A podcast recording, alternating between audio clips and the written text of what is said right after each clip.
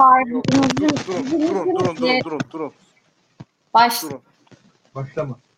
başladık. Şu an canlı yayındayız. Oh. Kapatamam şu anda. Tamam. Tamam. E, var birinizden gelen. İlkan senden olabilir mi? Olabilir. Tamam güzel. Şu an devam ediyor mu cızırtı? Hafif, hafif. Yok değil.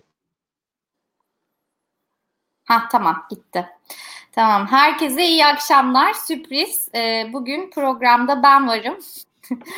Ee, ben e, konuk moderatör ve e, ara sıra yorumcu olarak e, İlkan'la Burak'ın programına geldim.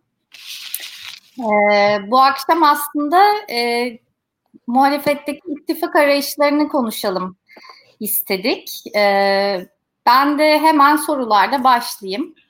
Ee, Burak bu e, Medyaskop'ta çıkan işte e, Demirtaş'la Ruşen Çakır'ın söyleşisi. Aslında Demirtaş önce bir yazı yazdı.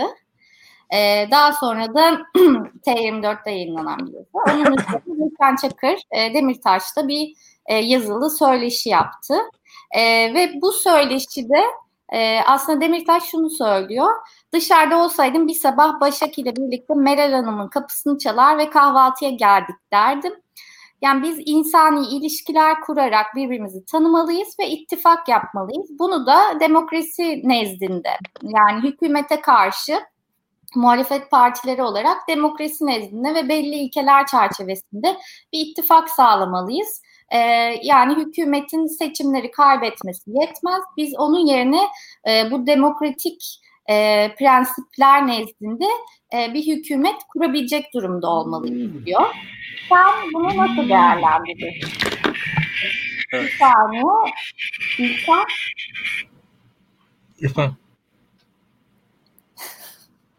tamam. Sen bunu nasıl değerlendiriyorsun Burak? Ee, Beril'cim öncelikle programımıza hoş geldin.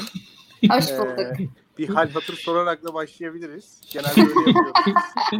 Pardon. Pardon benim çok acelem var. Oradan e, konuya girmeyelim istersen. Doğru Ee, haklısın. İyi misin?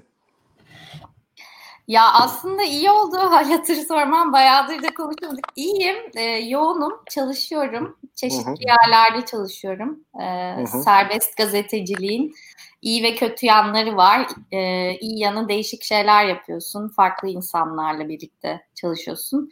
Kötü yanı hiçbir işe hayır diyemediğin için sürekli çalışıyorsun. E, öyle iyi yani, fena değil. Sen nasılsın? Milke nasıl? Ben de serbest siyaset bilimciyim. Aynı durumdayım. ee, Melike de iyi. Ee, işte hamilelik süreci atlatıyoruz. Ee, İlkan da serbest serbest. Yani double serbest. Ya e, bu arada şey var. e, bizim izleyicilere tavsiye edelim. Biraz bir Beril'i araştırsınlar. Ne, Tabii. ne işler yap. Makalelerini falan özellikle Neler? özellikle dış basındaki makalelerini takip etsinler. Çünkü biz e, bir ara yeterince paylaşıyoruz birbirimizi de Beril'i yeterince paylaşamıyoruz bir taraftan da. E, biraz onu izleyicilerimizden rica edelim. Bir takip etsinler bakalım. Oradan biraz sorgulasınlar hatta. ne yazmış ne yazmamış diye. Tabii. Tabii. Hesabında sorulacak diyorsun. Tabii ki. Ee, o zaman konuya geçelim. Bu Tamam. e, tiyatral performanstan sonra. Ya öyle demeyin. Ben ikinizi de çok özledim gerçekten. görüşeceğiz. Kaç zamandır görüşemedik. İkinizi de çok özledim gerçekten. Görüşeceğiz en kısa zamanda. Ee, bizim e, çocuklar da doğsun. Hep beraber geliriz. Aynen. artık. Ee, ya bu Demirtaş meselesi e, Aa. Burak gitti. Hakikaten gitti. Anlamadım. Nasıl İlkan'cığım ya, tamam ben yanlışlık kapattı galiba. Sen nasılsın İlkan? ya ben de e, iyiyim. Biraz enteresan oldu ama e, şöyle söyleyeyim. Burak gelecektir birazdan. Geldi. Ee, izleyicilerimizden bir özür dileyelim. özür, özür dileriz. Ee, şöyle bir şey var. Ee, bugün Sarıyer'de e, internet altyapısı olmadığı için bilgisayardan değil telefondan bağlanıyorum. ha. Ee, orada da herhangi bir tuşa bastığın zaman telefon düşüyor. Ve biraz önce de öyle bir şey oldu. O yüzden E, kusura bakmayın. Tekrar e, bağlanmak zorunda kaldım. E, bu Demirtaş meselesi çok enteresan. E, gözümüzün önünde birçok siyasetçi dönüştü bizim. E, bu İlkan'ın Abdullah Gül için söylediği e, bir laf vardı. Yani Abdullah Gül bizim gözümüzün önünde e, bazı dönüşümleri geçirdi diye. E, 90'lı yılların ortasından işte 2020 senesine kadar e, sürekli olarak dönüşüm geçiren ve fikir dünyası değişen, e, hayatı algılama biçimi değişen bir siyasetçi gördük diyordu. Aslında ben benzerini Selahattin Demirtaş için de söyleyebilirim. Şu anda Türk siyaseti üzerine en çok düşünen e, lider Selahattin Demirtaş. Bunu çok net olarak söyleyebilirim. E, Türkiye'nin Adalet ve Kalkınma Partisi hükümetinden e, bir şekilde kurtulabilmesi için en çok kafa yoran liderinde Selahattin Demirtaş olduğunu düşünüyorum. Çok yaratıcı önerilerle e, ve sürekli olarak bizi şaşırtarak e, gündeme geliyor.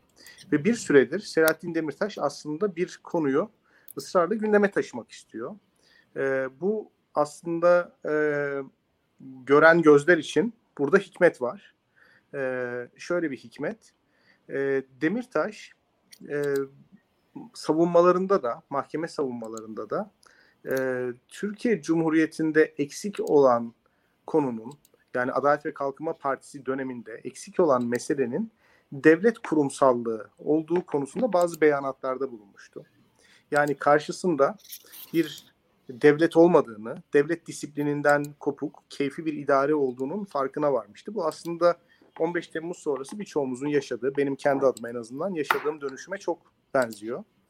E, ikincisi e, Demirtaş e, Kürdi siyaset meselesini e, Türkiye'nin demokratikleşmesinden bağımsız görmeyen ve demokratikleşmeyi de böyle e, ne derler romantik lafların ötesine geçerek daha somut önerilerle destekleyen bir faza geçti bir siyasetçi olarak. Onu da söylemek gerekiyor. E, güçlendirilmiş parlamenter sistem önerisi mesela bu somut adımlardan bir tanesiydi. E, doğru söylemek gerekirse. E, bunun yanı sıra büyük bir koalisyon olmadan Adalet ve Kalkınma Partisi'ni sandıkta mağlup etmenin mümkün olmadığının farkında.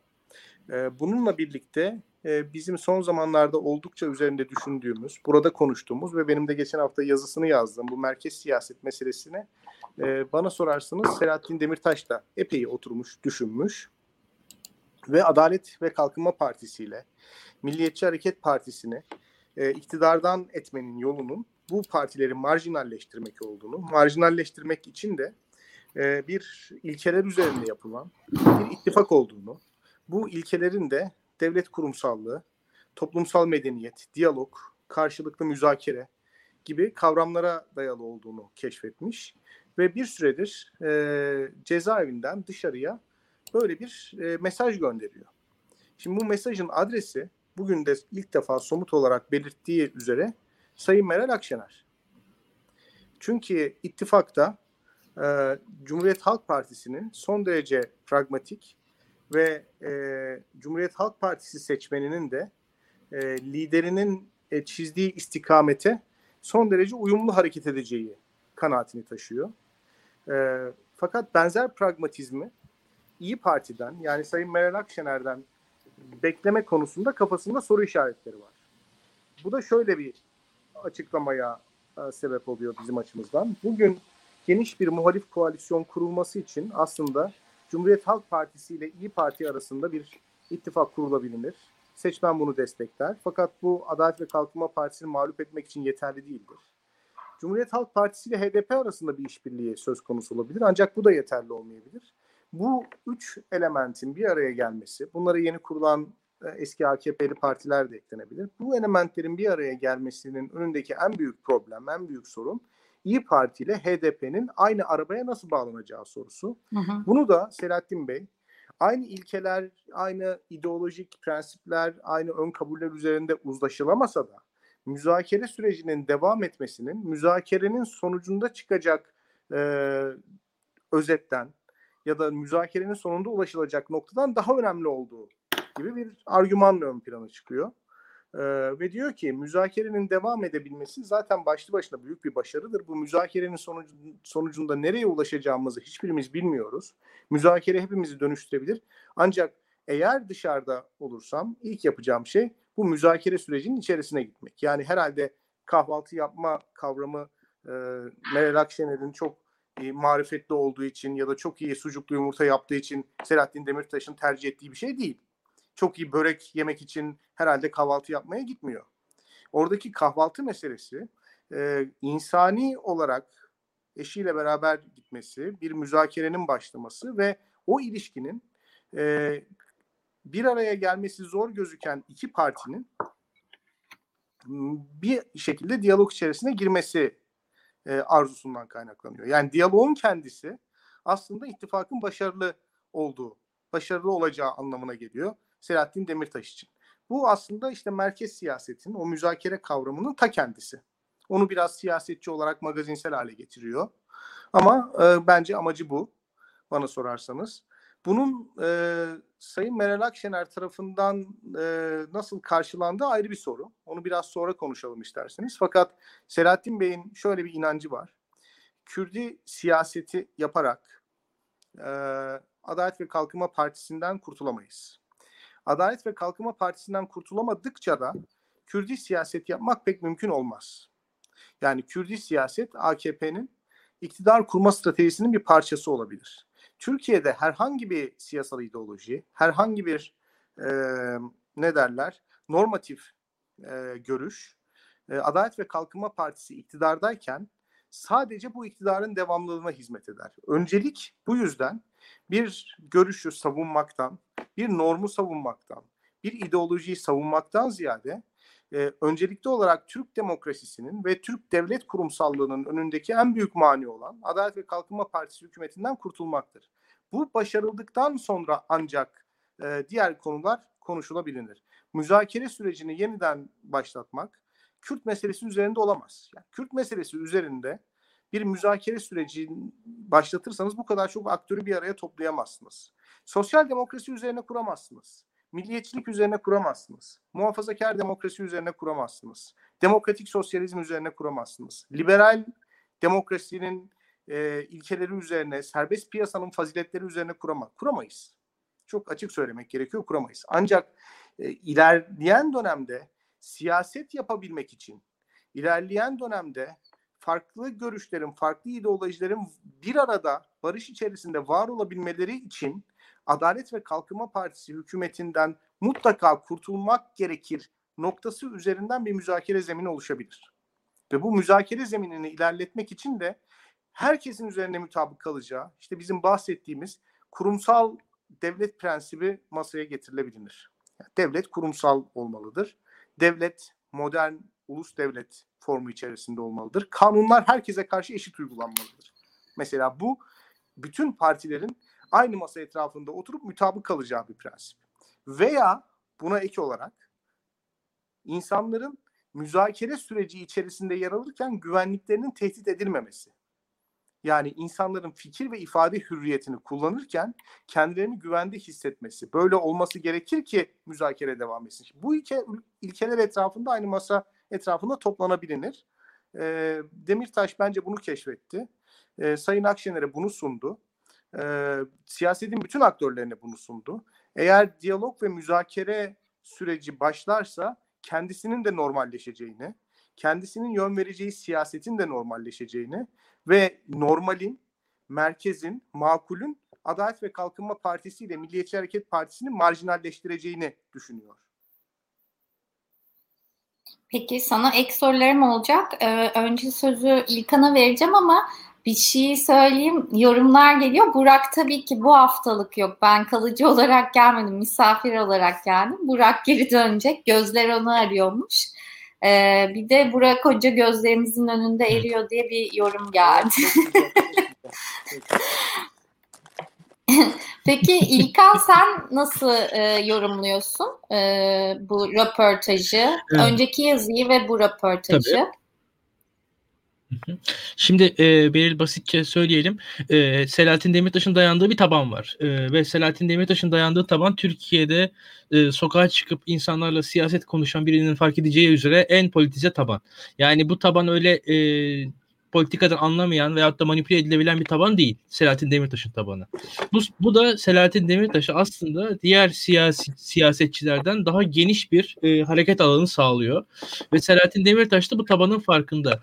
Yani e, ve birazcık daha ileri ifade ede, bu ifade edeceğim bazı şeyleri. Selahattin Demirtaş e, kendi benzeri siyasetçilerden çok daha fazla kendi tabanının kapasitesinin farkında ve o tabana dayanarak da kıvrak hareket edebiliyor. Çünkü o taban Türkiye siyasetini benim gördüğüm kadarıyla kendi entelijansiyasından daha iyi okuyor. Bir defa bunları söyleyeyim. Ee, bunun haricinde e, şöyle yani en basitinden e, basitçe gündelik siyasal manevralardan, gündelik siyasal söylemlerden az etkilenen bir taban açıkçası HDP tabanı en basitinden. Çünkü Türkiye'de bakarsak e, çözüm süreci sırasında da tek tek e, çözüm süreci aleyhine dahi olan birçok uygulama vesaire e, birçok faaliyet, e, eylem e, HDP tabanı tarafından mesela o zamanlar da sineye çekilmişti. HDP tabanı birçok şeyi sineye çekme e, gücüne, sabrına, dirayetine sahip bir taban. Bu açıdan da e, biraz daha farklı bir taban öyle söyleyeyim. Ki e, bu e, Öcalan mektubu hikayesinde de benzer şeyler olmuştu. O taban muhtemelen kendisi kendi iradesiyle okumayı bilmişti tüm hikayeyi. E, burada da Tabii ileride bu Öcalan e, Demirtaş e, tartışmalarını falan da konuşuruz. Benim o konuda birazcık daha Burak Bilgehan'dan farklı bir konumum var ama e, gene de onu da ileride tekrar konuşacağız diye düşünüyorum. Ama en basitinden söyleyeyim. Demirtaş kendi tabanını e, çok iyi okuyor. Siyasetin neyin mücadelesi olduğunu çok iyi biliyor. Siyaset en azından e, şahsi hırsların, şahsi kavgaların değil daha ziyade daha büyük toplumsal e, gücün mücadelesi olduğunu en azından görebiliyor. Onun için e, siyaset yapıyor. E, böyle gün, gündelik şeyler üzerinden siyaset yapmıyor. Bunu görebiliyorum burada. E, ve olabilir olanın peşinde olduğunu görüyorum ben. En azından o. Hani olabilir olan nedir diye bakıyor Selahattin Demirtaş ve olabilir olanın e, olabilir olan üzerinden şansını deniyor. Olabilecek bir hikaye. Yani mümkün olan bir şeyi arıyor Selahattin Demirtaş. O açıdan Türkiye'deki muhalefet için şu aşamada Selahattin Demirtaş bir şans mı? Evet bir şans. En basitinden bunu söyleyebilirim. Ee, Peki, ve bir, evet. Devam et. Daha sonra soracağım. Tabii. E, Demirtaş'ın e, bu açıklamasının içerisine bakarsak e, Demirtaş e, yani Ruşen Çakır'ın o sorusu da bence çok doğruydu. Demirtaş'ın ilk e, e, e, parlamenter sisteme dönüş, güçlenmiş parlamenter sisteme dair yazısı üzerine e, söyledikleri üzerinden de e, Demirtaş'ın e, çok fazla içini doldurmuyor aslında muhalefet yan yana gelsin diyor. O, olabilecek şeyler. Çünkü içini doldurmaya başladığınız anda kendinizi kısıtlamaya başlıyorsunuz. Kendini kısıtlamıyor şu anda. Sadece seçenekleri sunuyor ortaya. Olabilecek seçenekler zaten bunlar arasında hani olamayacak elendikten sonra elde kalan şey olacak muhtemelen muhalefet açısından. Yani güçlendirilmiş parlamenter sistem veyahut da işte başkanlık sistemine yani yargının güçlendirilmesi. Bizim Burak Bilgehan az önce bahsettiği kurumsal devlet çerçevesi, Weberian yaklaşımlar vesaire bunlar hepsi aslında bir yandan da muhalefeti sınırlayacak şeyler.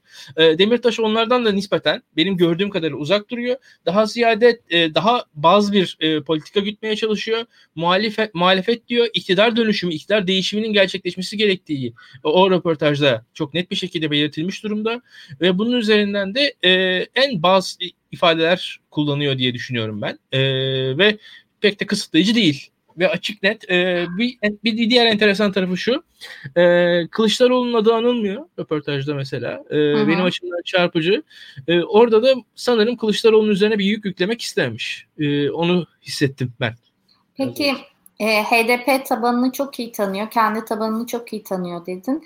E, Demirtaş'ın kitlesi hala HDP tabanı mı? Ya da şöyle sorayım, e, Demirtaş HDP tabanı üstünde e, eskisi gibi bir e, güce sahip mi?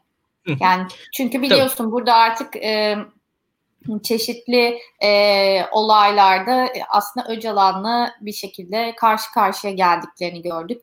E, orada durum nedir? Sen nasıl değerlendiriyorsun? Ee, şimdi ben onu, o noktada e, Öcalan'ın pozisyonunu Burak Bilgehan'dan daha farklı yorumluyorum. E, Öcalan'ın pozisyonunun HDP tabanı açısından tartışılabilir bir pozisyon olmadığını düşünüyorum. Ve Öcalan'ın pozisyonunda yani Öcalan'a e, dair bir e, üste görüşün ne diyeyim yani aşkın pozisyonda tutmanın HDP'lilik e, veyahut da o Kürt siyaseti açısından diyelim. Hani HDP'lik kadar genişletmeyelim ama e, muhalif Kürt siyaseti açısından Öcalan'ın çok tartışılabilir bir pozisyonda olmadığını düşünüyorum. Yani o Öcalan oldukça orada olacaktır ve yani bu şöyle bir şey. Mesela Öcalan'ın e, bakarsak e, son 20 yıllık süreçte Beril çok farklı farklı açıklamaları oldu. Yani Öcalan'ın e, Mustafa Kemal Atatürk'ü övdüğü açıklamaları oldu. Öcalan'ın siyasal İslam'a yaklaştığı açıklamaları oldu. Öcalan'ın Fethullah Gülen'le temas e, önerdiği açıklamaları oldu. Öcalan Türkiye'de güç kimdeyse ona dair ona yaklaşan açıklamalarda bulundu. Bu Öcalan'ın birbirine ters açıklamaların olması bile o tabanı değiştirmedi. Çünkü o taban için Öcalan'ın anlamı daha ziyade taban olarak bir arada kalma anlamını taşıyordu. Yani o birliktelik, kendi birlikteliğinin anlamını taşıyordu. Çünkü Öcalan'dan ayrılmak aslında e, o Kürt muhalif siyasetinden ayrılmak anlamına ge- ge- gelir hale getirdiler orada. Yani bakarsak son e, 30-35 yıllık süreçte neredeyse.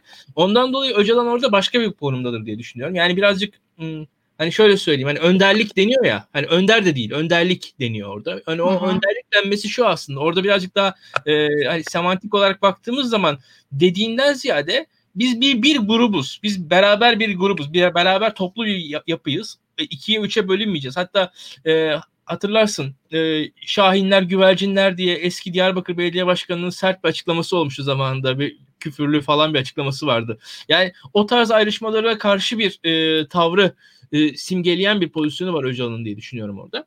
E, Demirtaş'ın pozisyonu ise şöyle söyleyeyim. Demirtaş şu anda e, muhalif Kürt siyaseti açısından her an meşruiyet kazanıyor bence.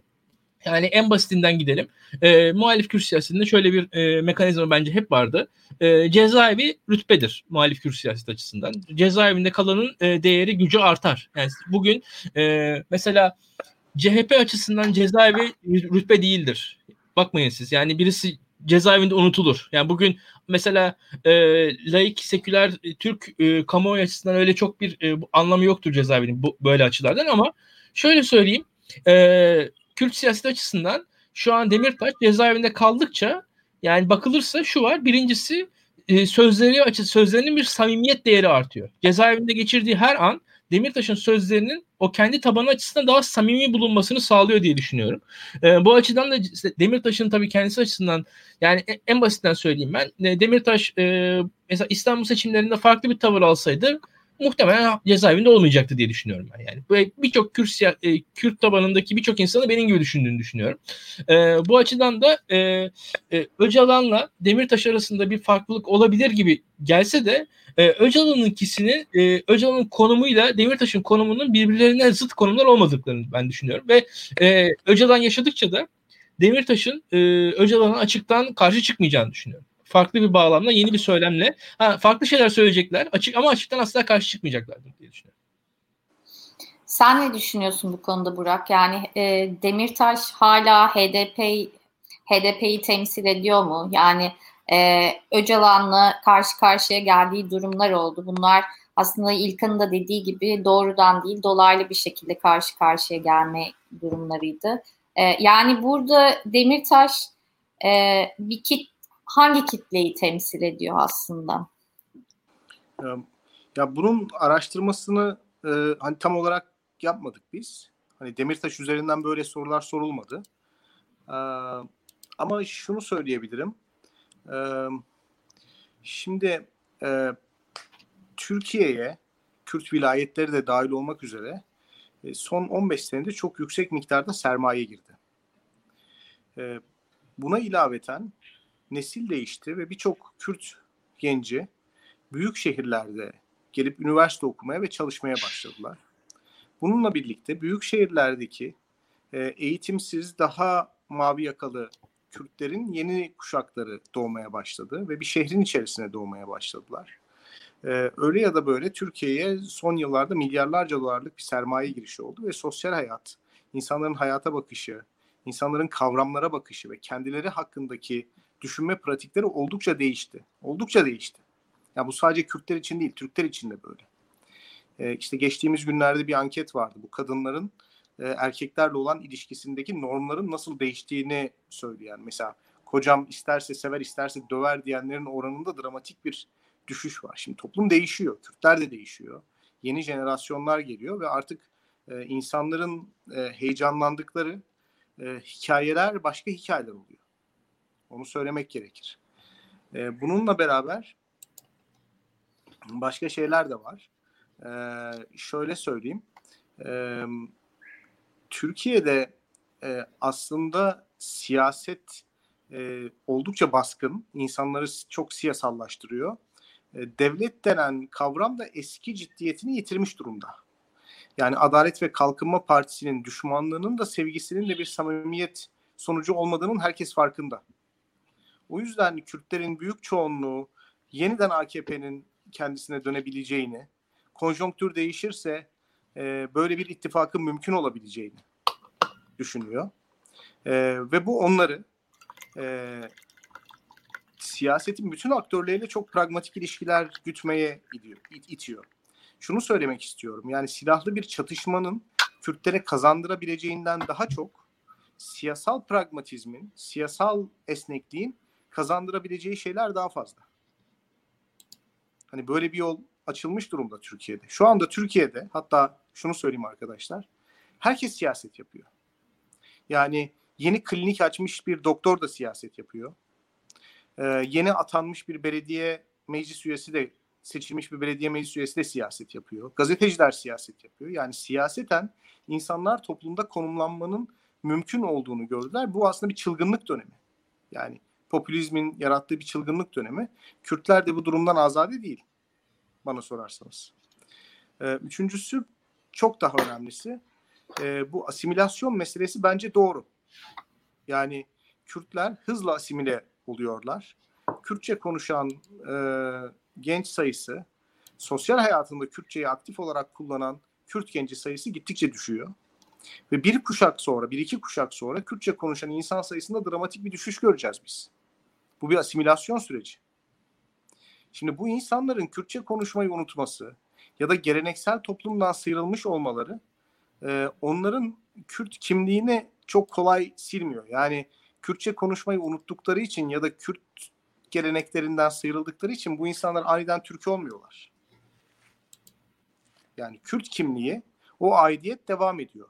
E, Horowitz'in mesela bu konuda çok önemli tezleri var. O bir etnik e, savaş, e, iç çatışma çalışan bir akademisyen. Diyor ki hani e, bazen bu kendisini bir futbol takımında ortaya koyar, bazen bir sendikada ortaya koyar, bazen bir markada ortaya koyar. Ama etnik kimliğin ortadan kalkması çok zor bir şeydir. Şimdi HDP'lilik de bu yeni nesilde aslında çok baskın bir kimlik. Yani HDP seçmeni anketlere bakıyorum tutkal gibi partisine yapışmış durumda. Çünkü HDP'lilik bence onları Kürtlüğe bağlayan yegane kanal haline gelmiş. Ve onların içine sosyalleştikleri, içine doğdukları dünyada Selahattin Demirtaş çok daha önemli bir figür. Çok daha önemli bir figür. Çünkü Selahattin Demirtaş insanların sadece Kürt olma duygularına seslenen bir lider değildi. Aynı zamanda onların genç olmalarından mütevellit, sistemden yaşadığı sıkıntıların da üstüne basan, o yaraları biraz kurcalayan ve onlar üzerinden siyaset yapan bir liderdi. Yani e, onun bence diğer Kürt e, figürlerinden farklı kılan da bir fark, onu farklı kılan da bir taraf vardı. Dolayısıyla ben artık yani Öcalan Demirtaş karşılaştırması üzerine hani spekülasyon yapabiliriz, yapmayalım. E, Demirtaş'ın çok bambaşka bir fenomen olduğu kanaatindeyim. Hmm. Yani e, şöyle e, söyleyebiliriz. E, toplumdaki bütün azınlıkların temsilcisi olabilecek. Sadece etnik bir azınlığın değil, bütün azınlıkların temsilcisi olabilecek. E, şehirli insanların, şehre gelmiş dışlanmış insanların, şehirde kendisini ifade edemeyen, şehirde diğer insanlarla bağ kuramayan insanların ya da mevcut iktisadi düzenden aradığını bulamayan insanların bir şekilde kimliğiyle alakalı bir sıkıntı çeken, bir acı hisseden insanların ortak figürü haline gelmiş bir Demirtaş'tan bahsediyoruz. Yani Kürdi siyaseti hiyerarşisi içerisinde Demirtaş'la Öcalan'ı kıyaslamak kabil değil, mümkün değil. Yapamayız bunu. Yani ben böyle bir kıyaslamadan bahsetmiyorum. Ben siyaset yapma tarzı olarak e, Demirtaş'ın yepyeni bir fenomen olduğunu düşünüyorum. Onun e, Kürt olması, bir dönem Kürt hareketinin içerisinde olması bir bonus. Benim kişisel kanaatim bu. Yoksa e, Kürt ulusal hareketi içerisinde bir hiyerarşi yapsak e, muhtemelen e, Demirtaş ilk e, ona giremez. Yani bırakın Öcalan'la rekabet etmeyi. Fakat leadership skill dediğimiz mesele e, ve toplumun diğer kesimlerine seslenebilme dediğimiz mesele Demirtaş'ta açıkçası çok yüksek. O yüzden Demirtaş'ın yeni bir siyaset kurgusu peşinde koşması, yaratıcı fikirler peşinde koşması çok enteresan. Bakın Öcalan Bukçin okudu. Öcalan boşuna Bukçin okumadı. Bukçin e, okuduktan sonra çok ilgimi çeken bir nokta. Bukçin'in ortaya koyduğu argümanların yaratabileceği olumsuz sonuçlar vardır. Mesela küçük ekolojik komüniteler kurmak meselesi.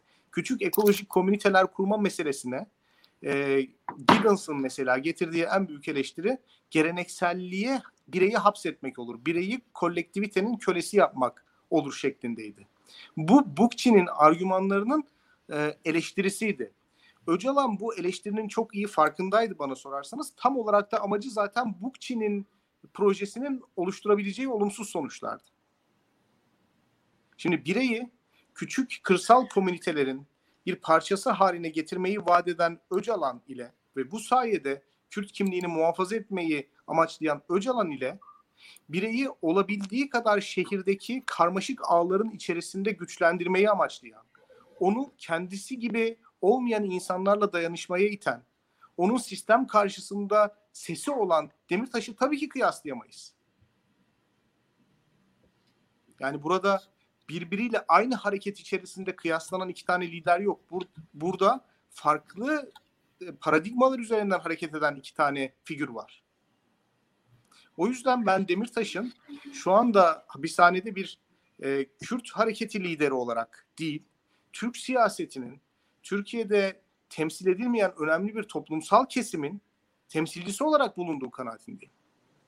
Ve şuna da eminim ki eğer Demirtaş sadece etnik meselelerden konuşsaydı, sadece Kürt siyaseti yapsaydı muhtemelen içeride olmayacaktı. Peki e, buradan şeyden devam edelim. E, bu İyi Parti ve HDP aynı arabaya nasıl bağlanır diye sordun sen. Hakikaten e, nasıl bir araya gelirler e, ve e, Demirtaş'ın talebini Akşener nasıl karşılar? Nasıl karşılayacaktır? Ben ben mi cevap vereyim? Evet sana soruyorum Burak. Senden sonra İlkan'a soracağım.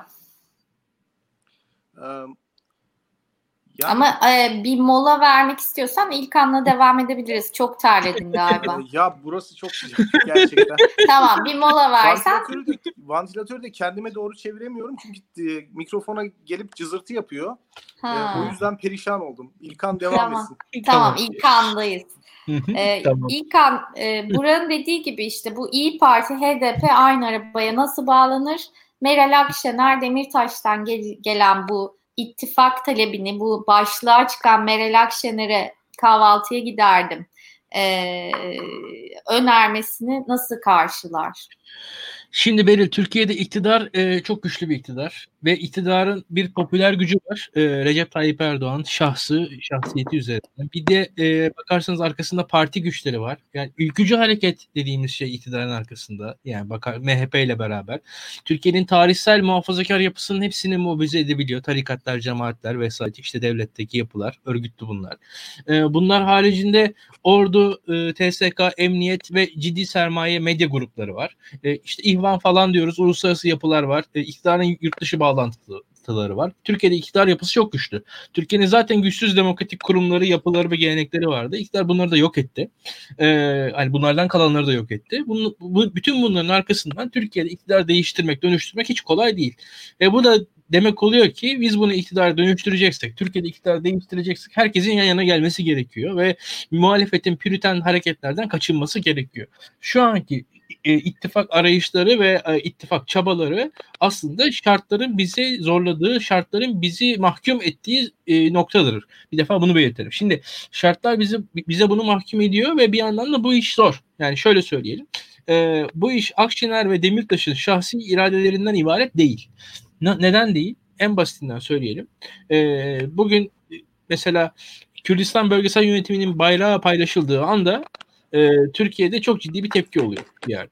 Mesela Kürdistan Bölgesel Yönetimi resmi bir yapı. Türkiye'de devletin ilişkisi olan bir yapı. Ee, Irak Anayasası'na göre kurulmuş bir yapı. Ee, bu yapının e, derin düşünürsek e, bu yapının bayrağı bile Türkiye'de tepki yaratabiliyor. Şimdi biz burada nasıl bir siyasi e, çözüm bulacağımız e, daha doğrusu bulacağımız çözümün ne, ne kadar güçlü kalıcı ve darbelere dayanıklı olacağı darbelere dayanıklı olacağı e, bir sesler geldi. Yankı Evet. yapıyor. Burak, Evet. Burak'tan geliyor gelmedi. galiba. Te- telefonum ısınıyor. Ha, Ee, geçmiş olsun. Şarjı bitiyor. Powerbank taktım onun sesi. Bakın tekrar yapacağım o sesi. yapma yapma. şöyle e, bu burada belirli bence asıl soru şu. Bir ittifak en azından e, hani yıldızlar doğru noktaya geldiği zaman, doğru hizalandığı zaman kurulabilir ama ne kadar kalıcı olur? Bu ciddi tartışma konusu bence. Yani ben ittifakın kurulamaz olduğunu düşünmüyorum ama bu ittifakın e, saldırılara karşı ne kadar dayanıklı olacağı konusunda ciddi şüphelerim var. E, benim açımdan en basit e, ve en tartışmalı mesele şu. E, Türkiye'de iktidar e, hamasetle beraber ve e, beka meselesiyle beka meselesi üzerinden ciddi hamasetle saldırdığı zaman e, ne kadar dayanıklı kalacak, kalabilecek iktidar, e, pardon mu- e, muhalefet ittifakı beraberce göreceğiz. O konuda belli şüpheler var ne yazık ki. Biraz dürüst olmak gerekirse. E, özellikle e, belli açılardan şöyle söyleyelim. E, doğuda, Güneydoğu'da e, şiddet azaldıkça ittifakın e, muhalefet ittifakının beraber kalabilme şansı artıyor. Bunun dışında özellikle e, Akdeniz'de ve Libya'daki gibi e, ordunun e, sahaya çıktığı anlarda ittifakın gücü azalıyor muhalefet ittifakının. Böyle şeyler var. Bütün bu e, çatışma, e, bütün bu saldırılar karşısında muhalif ittifak ne kadar dirayetle yan yana kalabilecek bilmiyoruz. Yani benim açımdan biraz belli şöyle bir durum var. E, tü- tüm dünyada 2000'ler başında kurulan e, iktidarlar e, dolardaki daralma sonrasında esasında devrildiler. Brezilya'da devrildiler. E, işte bakarsanız e, işte Venezuela'da devrilecekti devrilmedi. Orada diktatörlüğe gitti. Rusya'da devrilecekti belki. E, ekonomi kötüleşmeye başlamıştı. O Putin'in başarılı ekonomisi e, başarısız hale gelmişti. E, bir anda Putin işte Gürcistan'a saldırdı, savaş yaptı vesaire. Yani bir şekilde ekonomik başarısızlıkla beraber bu otoriter yönetimler savaş savaş siyasetine geçiyorlar ve oradan öyle iktidarlarını sürdürüyorlar öyle söyleyeyim ben. Türkiye'de de esasında yakın bir hikaye olduğunu düşünüyorum. Ee, bizim e, muhalefetin buradaki dirayeti belirleyecek bunu. Muhalefetin sözcülerinin e, bu dirayete sahip olduğunu en tepede düşünüyorum. Ancak muhalefetin medyasının ve muhalefetin entelijansiyasının yeterli e, dirayete sahip olup olmadığına emin değilim. HDP'nin kamuoyunun e, %100 o dirayete sahip olduğunu biliyorum. Çünkü onların kaybettikleri çok şey var. Yani HDP'li ortalama bir vatandaşın e, bir şekilde devletten ciddi anlamda dayak yemiş e, bir yakını var. Hepsinin var yani. Hani bir şekilde akrabası, tanıdığı, bildiği bir insan bir şekilde içeri girmiş çıkmış. Yani bu işin e, şöyle söyleyeyim ben e, kendisinin mutsuzluğundansa iktidarın değişmesini tercih eden, ben mutsuz olayım ama tek Türkiye'de iktidar değişsin diyen e, bir seçmen bilinci var orada. Ancak e, İyi Parti ve hatta CHP seçmenlerinde belki birazcık da e, bizim apolitik seçmenlerin bir kısmında e, kendisinin o anlık e, böyle hamasi tutkusu, an o an rahatsız hissetmesi, o anki öfkesini e, siyasal büyük projenin yerine tercih edebilecek bir seçmen yapısı var diye düşünüyorum. Yapabil- edebilecek bir seçmen yapısı var diye düşünüyorum. Bu öyle bir risk var önümüzde diye düşünüyorum ben de. Risk var mı? Var. E, ama e, bütün bunların yanında bu riskler mesela sen bana sorarsan İstanbul seçimlerinde de vardı. Ama İstanbul seçimlerinde bu riskler çalışmadı. E, benzer bir deneyim e, yaşayacağız belki de. E, ancak yine İstanbul seçimlerine benzer saldırılar yaşayacağız. İstanbul seçimlerini hatırlarsak ne olmuştu? İstanbul seçimleri öncesinde Türkiye'de e, tüm belediye meclis üyelerinin e, emniyetteki fişleme kayıtları açıklanmıştı hatırlarsanız. Tüm belediye meclis üyelerinin, muhalefetin tüm belediye meclis üyeleri işte 1969 yılında Devrimci Doğu Kültür Ocakları mitingine katıldı diye 60-70 yaşındaki adamların şeyleri açıkladı. Bir anda yani Türkiye'de emniyet müdürlüğü uğraştı. Yani belediye seçimlerinin sonuçları için. Ondan sonra emniyet müdürlüğünün uğraşısı bitti. Milli İstihbarat Teşkilatı uğraşmaya başladı. İşte belli bir e, neydi Dersim Üniversitesi'ndeki öğretim üyesi bir be- beyefendi gitti Öcalan'la görüştü, mektup getirdi, götürdü falan. Yani bir anda o ba- bambaşka bir e, devlet kurumları çalışmaya başladı. Şunu söyleyebilirim. E, herhangi bir e, muhalefetin kazanması ihtimali olan bir genel seçim öncesinde de benzer şeyler olacaktır Türkiye'de. Bunu bilelim.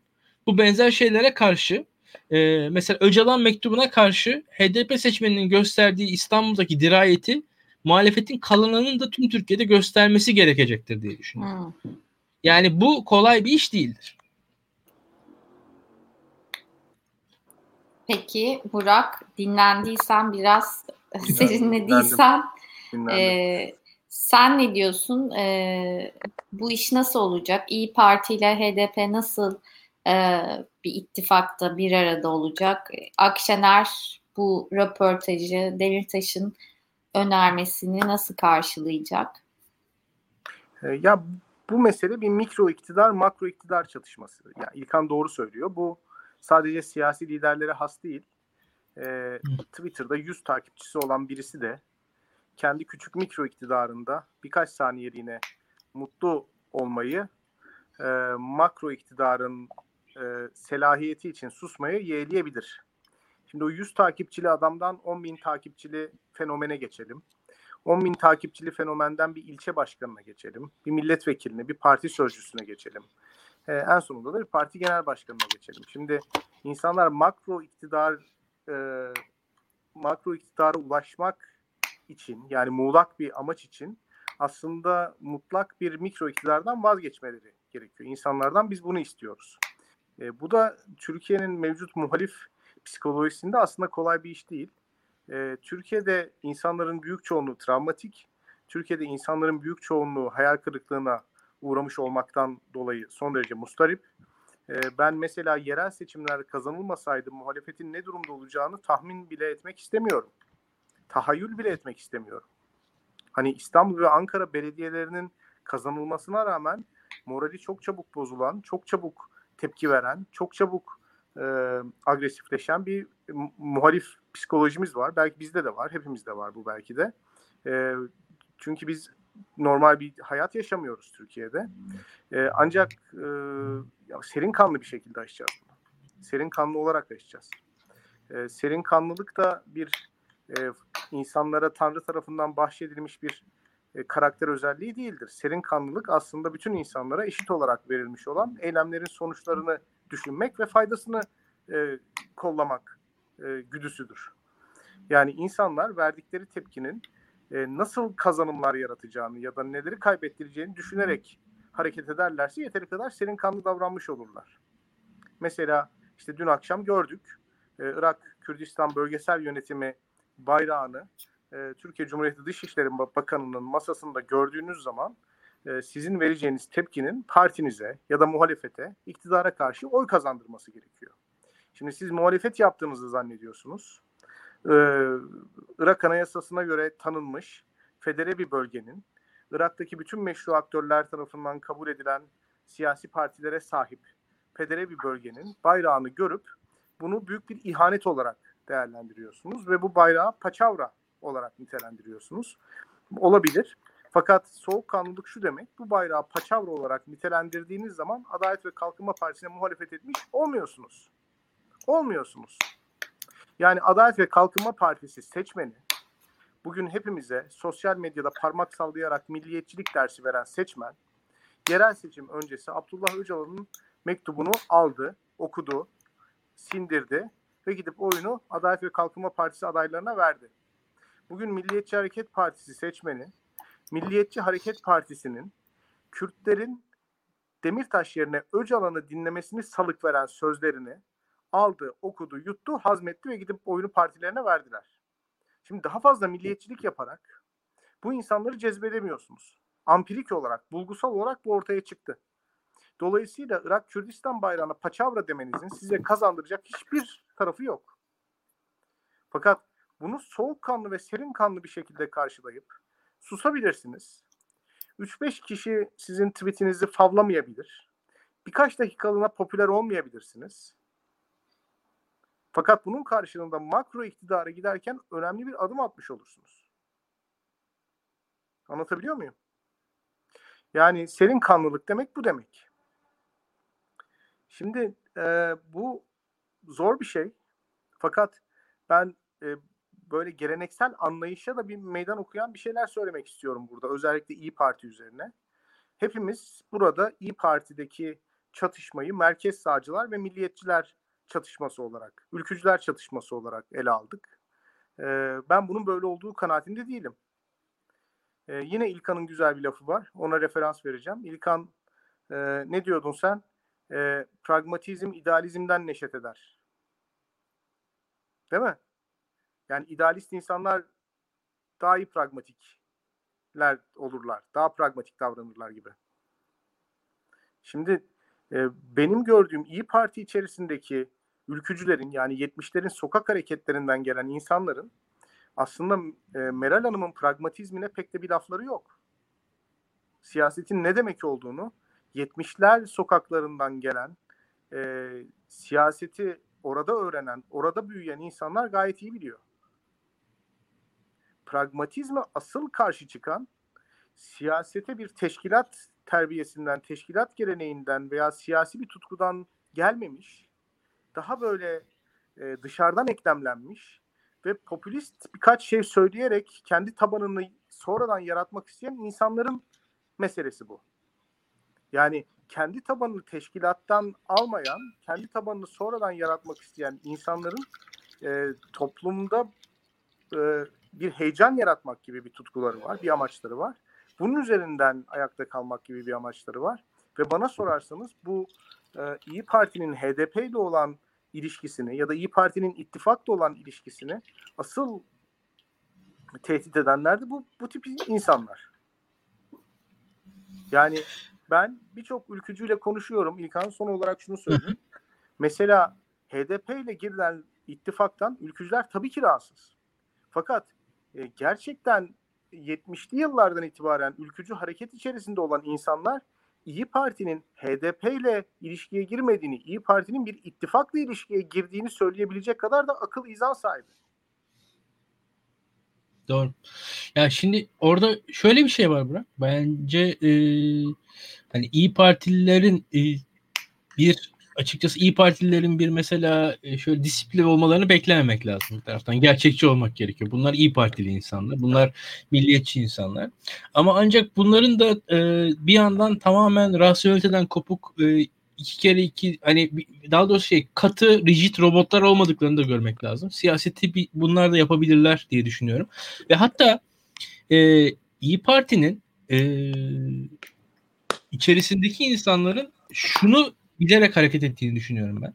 Kendileri açısından.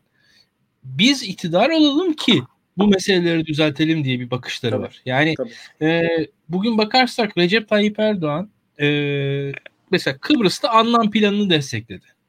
Bugün Kıbrıs'ta anlam planı gibi planı ben destekliyorum diye çıksam şu an Türkiye'de ben anlam planını destekliyorum. Şu şu şu şu şu kriterler olmalıdır. Türkiye bu yönde hareket etmelidir diye konuşsam şu an yani şöyle söyleyeyim devlet üniversitesindeki böyle bir profesör atılır. Anlam planını destekliyorum diyen birisi. Tabii, yani şu an tabii. şu anki Türkiye'de. Yani Türkiye'de bugün Tayyip Erdoğan bu destekledi. E, tabanı anlam planına çok mu bayılıyordu? Yok bayılmıyordu. E, e, ne oldu peki? Tabanı niye e, Tayyip Erdoğan'a bir tepki göstermedi? Tabanının çünkü Tayyip Erdoğan'la bir ilişkisi vardı. Ve Tayyip Erdoğan'la olan ilişkisi bütün bunlara bir anlam yüklüyordu. Yani Tayyip Erdoğan'ın yaptığı şey diye bakıyordu en azından tabanı e, diye düşünüyorum. Ve e, ya Beril belki de şöyle yani iktidara ulaşma yolunda liderlerin kendi karizmatik otoritelerinin e, ne kadar e, etkili olacağını göreceğiz burada. Yani kendi tabanlarını e, ben en azından şöyle mesela tabanına karşı liderlerin şunu diyebiliyor olması gerekecek bu süreçte. Liderlere e, yani benim yaptığım şey taban için en iyi şeydir. Tabanın da ikna olması gerekiyor ve tabanı ikna edebilmeleri gerekiyor diye düşünüyorum. Meral Akşener'in en azından kendi şahsiyetinde e, oluşturduğu güven halesinin e, gücü ve kalıcılığının etkili olacağını düşünüyorum ben. Ama yani, tabii Akşener açısından durum biraz daha farklı değil mi? Sonuçta MHP'den kopmuş bir partiden bahsediyoruz. Yani onun tabanının gidecek bir yeri var. Ee, öte yandan AKP tabanının ya da HDP tabanının gidecek bir yeri yok. Yani buranın da dediği gibi neredeyse e, yapıştırıcıyla yapışmış gibi partisine. Ama İyi Parti evet. açısından daha fazla yani manevra yaptıkça aslında e, yani kitlenin gidebileceği başka bir yer var. Ne olursa olsun. Haklısın ama iki türlü de bakmak lazım. Şimdi İyi Parti'nin kuruluşu e, Tayyip Erdoğan'a muhalefet ekseninde e, idi. Yani tabii, İyi Parti'nin tabii, tabii, tabii. varlığı Tayyip Erdoğan. Yani şimdi orada bir, bir İyi Parti'nin var eden iki e, ana e, diyelim unsurdan bir unsur milliyetçilikse bir diğer unsur da Tayyip Erdoğan karşıtıdır. Şimdi bu ikisi arasındaki dengede Meral Akşener'in liderliğinin e, yani karizmatik önderliğinin diyelim en azından e, kendi kitlesine e, en azından Akşener'e güvenin e, ben size e, iktidar vaat ediyorum e, ve bunu şu an için e, belli bir şeyi kabul edin diyebilir diye düşünüyorum ben. E, bu Akşener'in o e, Akşener'in orada yani diyebilir. Yani der mi demez mi de, dediği zaman ne kadar başarılı olur bilmiyorum ama bunun bir seçenek olduğunu düşünüyorum. Bu seçenek e, ortadadır. E, ve şurada şöyle bir şey var. Şu anki mevcut sistemde e, HDP'nin ve HDP gibi siyasi partilerin e, alanları ne yazık ki zaten daraldı. E, bu, bu daralma da aslında e, bir yandan da Meral Akşener'de bir alan açıyor. Çünkü aslında e, al, a, alması potansiyeli olan e, desteğin çok çok ötesinde bir güç yani tüm iktidar için çok ufak bir şey ver, ver, vermesi yeterli olacak aslında yani çünkü burada Bilgehan'ın anlattığı e, kurumsal devlet vaadi yeterli daha fazlasını vaat etmesine bile gerek yok aslında o da e, yani bugün hatta bakarsak düşünelim e, seçim öncesinde e, iktidar bile neler, neler, nelerden bahsediliyordu. Belediyelerde işte HDP'lilere şunlar yapılacak bunlar yapılacak falan deniyordu. Ya belediyelerde HDP'liler hiçbir şey yapılmadı. Yani ve HDP'lilerden de buna karşı yoğun bir itiraz da yok şu an bakarsanız. Ee, hani HDP'lilere işte İstanbul'da otoparklar e, Kandil'den gelenlere verilecek deniyordu yani.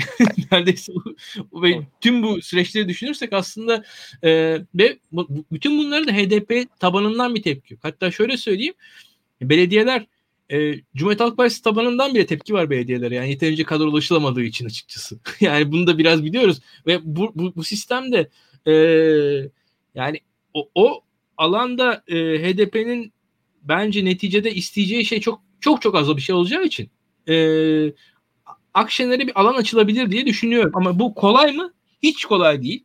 Büyük siyasette e, Türkiye'de siyasetin dili ne yazık ki Akşener'in elini kısıtlıyor. Esas siyasetin dili kısıtlıyor. Yani bu nedir?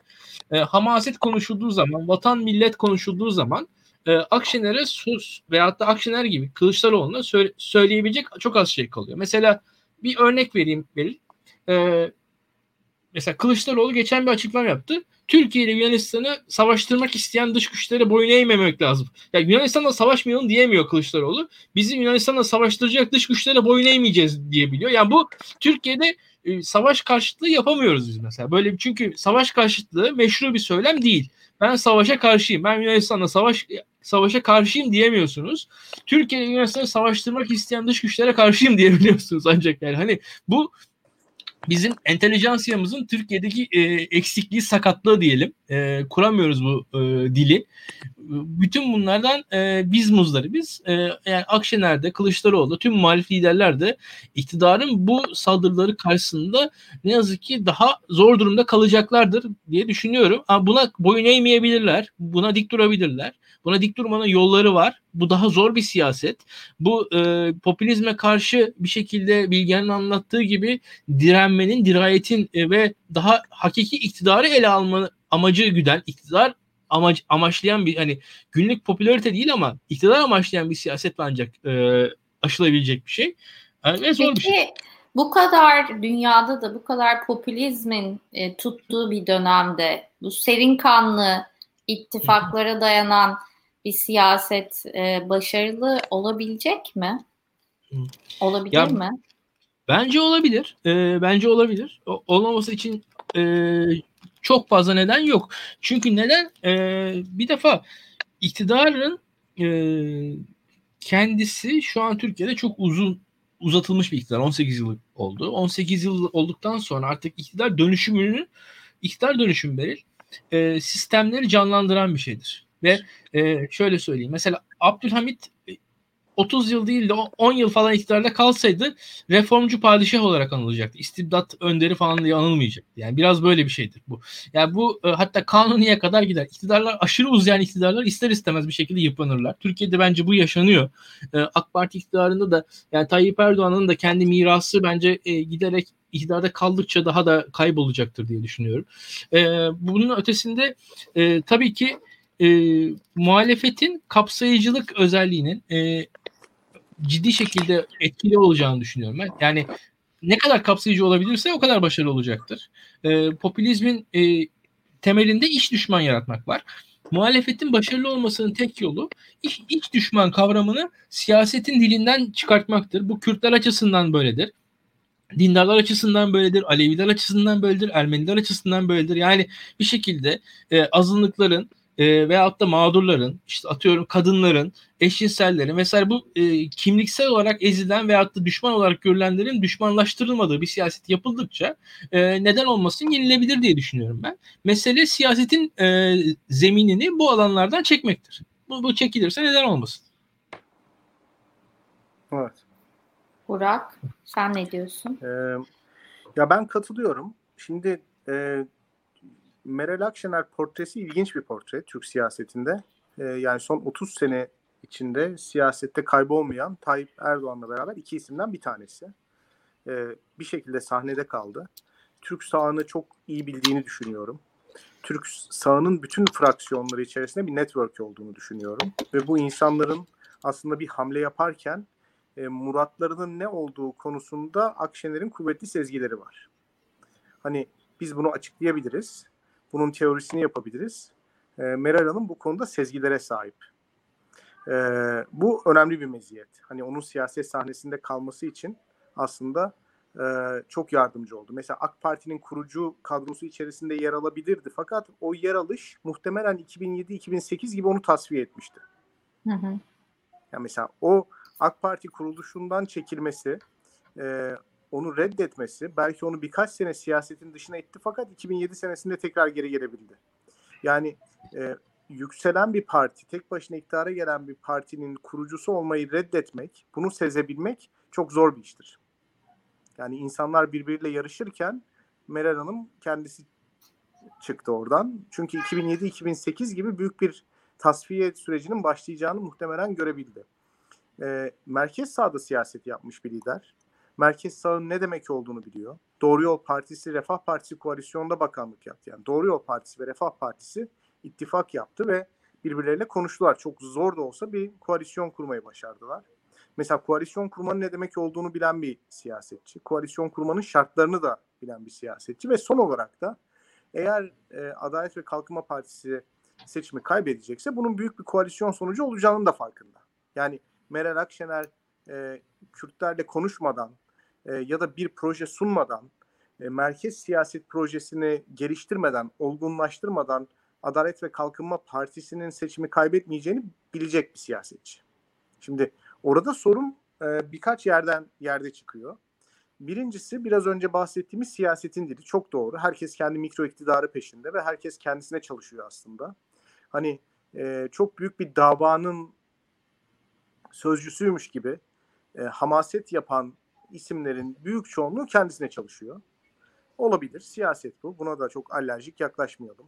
Böyle ilk defa kadavra görmüş tıp fakültesi öğrencisi gibi e, tepkiyle yaklaşmayalım yani buna. Bu da olabilir. E, ikincisi de şöyle bir durum var. E, hükümetin e, aslında muhalefeti devamlı bir tepki vermeye zorlama gibi bir stratejisi var. Oluşturulan gündemler, ortaya atılan e, argümanlar, e, hep bunun üzerine.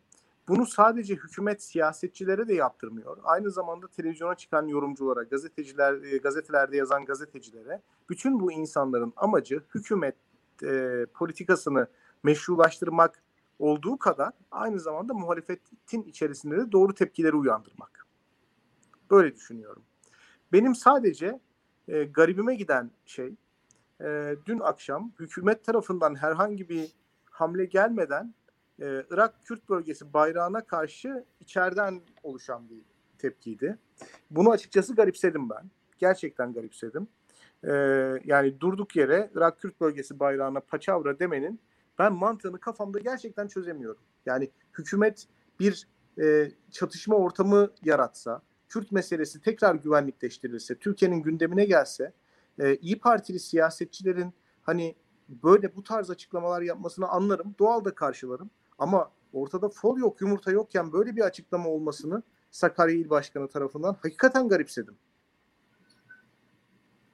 Hiç kimse, hiçbirimiz İyi Parti'den Kürt sorununu e, hemen çözmesini, bütün liberalleri, bütün demokratları ya da bütün Avrupa Birliği camiasına heyecanlandıracak bir planla ortaya çıkmasını beklemiyor.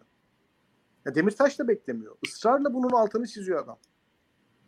Yani Kürt meselesini öncülleyen, Kürt meselesine öncelik veren bir planın şu anda Türkiye'de muhalefet ittifakını dağıtacağının Demirtaş da farkında. Kürtler de farkında. Yani Millet İttifakı'na HDP'yi alırsak Millet İttifakı kaybeder olgusunu HDP seçmeni Demirtaş'tan başlayarak çok iyi sindirmiş durumda. Herkes bunun farkında. Hiç kimse İyi Parti'den de böyle bir çıkış beklemiyor zaten. Ancak beklenen şey bu meselenin olabildiğince e, siyaseten gündemin arka planına itilmesi veya çok böyle soyut argümanlarla kurumsal devlet gibi, müzakere gibi hiç kimsenin itiraz edemeyeceği kavramlarla ifade edilmesi. Bu şekilde geçiştirilmesi.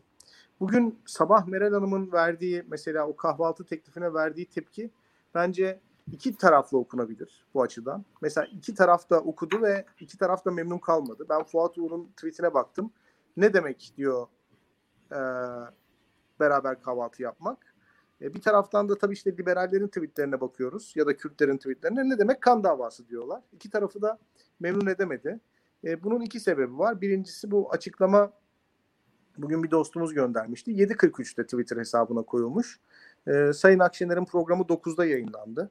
Muhtemelen röportajı görmedi ve üzerine düşünecek vakti olmadı. E, sorulunca aniden hazırlıksız yakalanarak böyle bir tabir kullandı. Yani kan davası e, Akşener'in dünyasında iki insan arasında oluşabilecek en ağır husumet olduğu için diline gelmiş bir söz olabilir e, Türkler ve Kürtler arasında bir kan davası olduğunu ima ettiğini sanmıyorum açıkçası. Ama kan davalı insanların bile e, birlikte oturup misafir misafirliğe gidebileceğini ve birlikte oturup e, bazı kurallar çerçevesinde konuşabileceklerini ima ediyor. E, ikincisi de şu, e, beraber oturma tabiri hükümettekileri rahatsız etti tabii. Hmm. Onu söyleyeyim.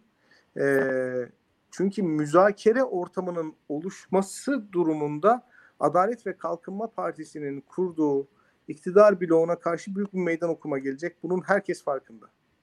Ve biz daha önceki programlarımızda da konuştuk. Hükümetin governance yeteneği düştüğü için yani yönetişim yeteneği düştüğü için bütün enerjisini muhalefetteki blok içerisindeki uyumsuzluğu arttırmak, çatlağı derinleştirmek üzerine sarf edecek.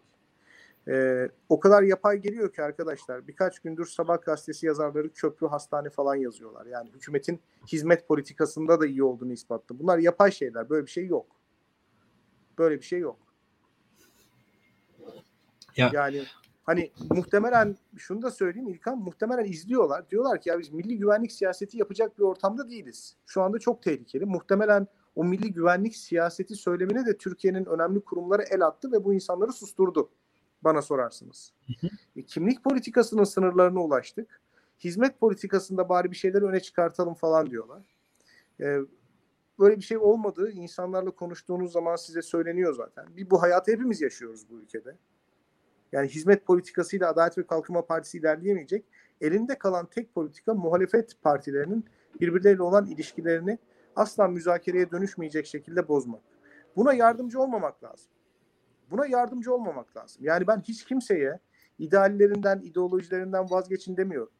Yani bir sosyaliste sosyalist olma diyemem zinhar. Bir Kürde Kürtçü politika izleme diyemem zinhar. Liberale liberal olma diyemem. Yani insanlar bu istediklerini düşünecekler. Fakat siyaset sahnesine çıktıkları zaman söylemlerinin e, ve beyanatlarının birbirleriyle konuşamaz hale birbirlerini birbirleriyle konuşamaz hale getirmemesine dikkat etmeleri gerekiyor. Ki hepsi ilerleyen yıllarda da bir arada konuşup tartışabilsinler. Yani bu bir var olma savaşıysa eğer e, bu mesele böyle bir şey. Ya bu Peki. arada e, bir şey daha söyleyeyim. İktidar diyorsunuz.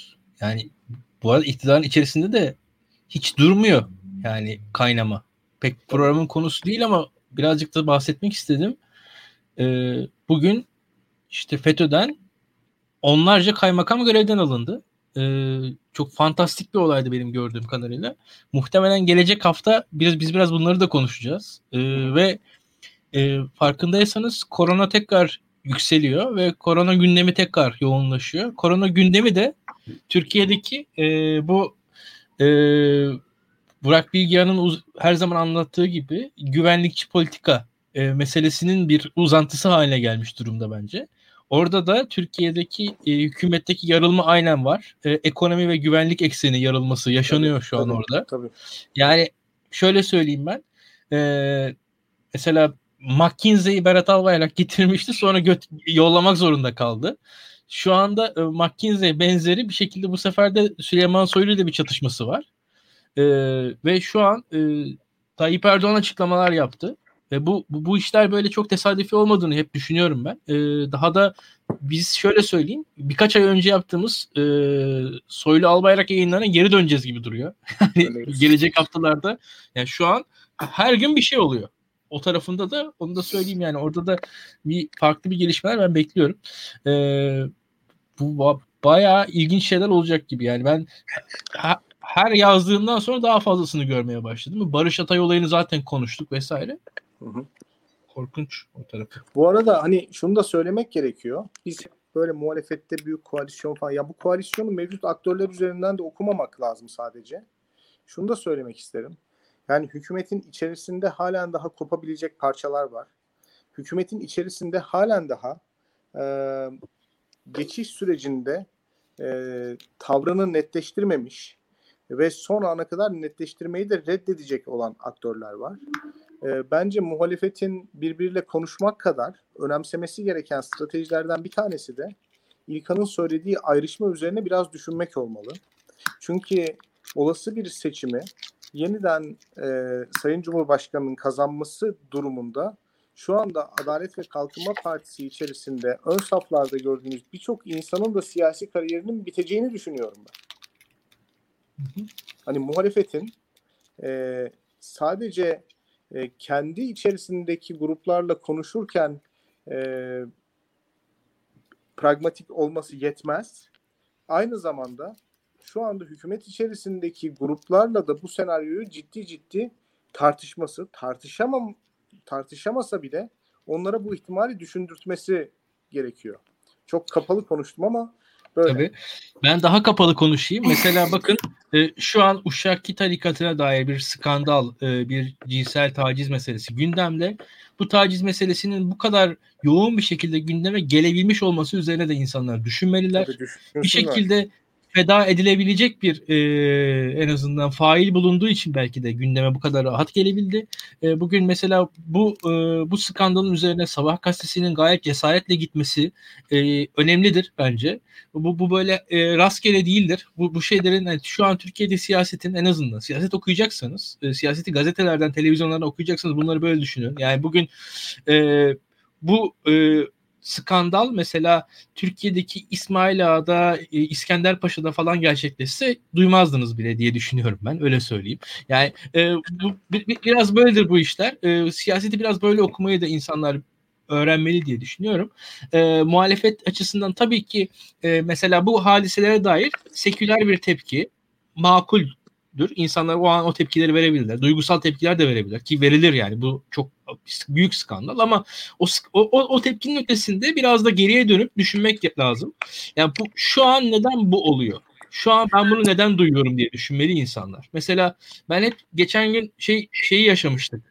Yani bir e, polis memuruyla bekçi arasındaki kavganın görüntüleri önüme düşmüştü. Ya ben polis memuruyla bek, bekçi arasındaki kavganın görüntülerini görebiliyor olmam benim için kavganın kendisinden daha enteresan. Çünkü iki insan kavga edebilir. Bu çok da enteresan bir şey değil ama Şırnak'taki bir polisle bekçi arasındaki kavgayı ben İzmir'de bilgisayarın başında izleyebiliyorsam bu aradaki mekanizma nedir diye düşünmeliyim diye düşünüyorum ben. En azından. Buradan da izleyicilerimizi biraz yönlendirmiş olalım. bir küçük soru işareti bırakalım diyorsun. Evet. Peki e, o zaman e, süremiz doldu. Son söyleyeceğiniz bir şeyler varsa isterseniz kapanış konuşması yapalım. Benim söyleyecek bir şeyim yok. Ee, e, yani önümüzdeki söyleyeceğim günlerde... her söyleyeceğim her şeyi söyledim ve evet. çok sıcak diyorsun. Ee, sadece şunu söylemek istiyorum. Yarın evlilik yıl dönümüm. Ee, sevgili eşim e, Melike ile ikinci senemizi dolduruyoruz. Ee, mutlu olduğumu söylemek istiyorum. Tebrikler. İlkan sen ne söylemek istiyorsun? Ee, ben de Melike'ye tebriklerimi iletiyorum. Ee, Burak Bilgehan'a da mutluluklar diliyorum. Teşekkür ederim İlkan'cığım. Peki tamam ben de beni ağırladığınız için çok teşekkür ederim.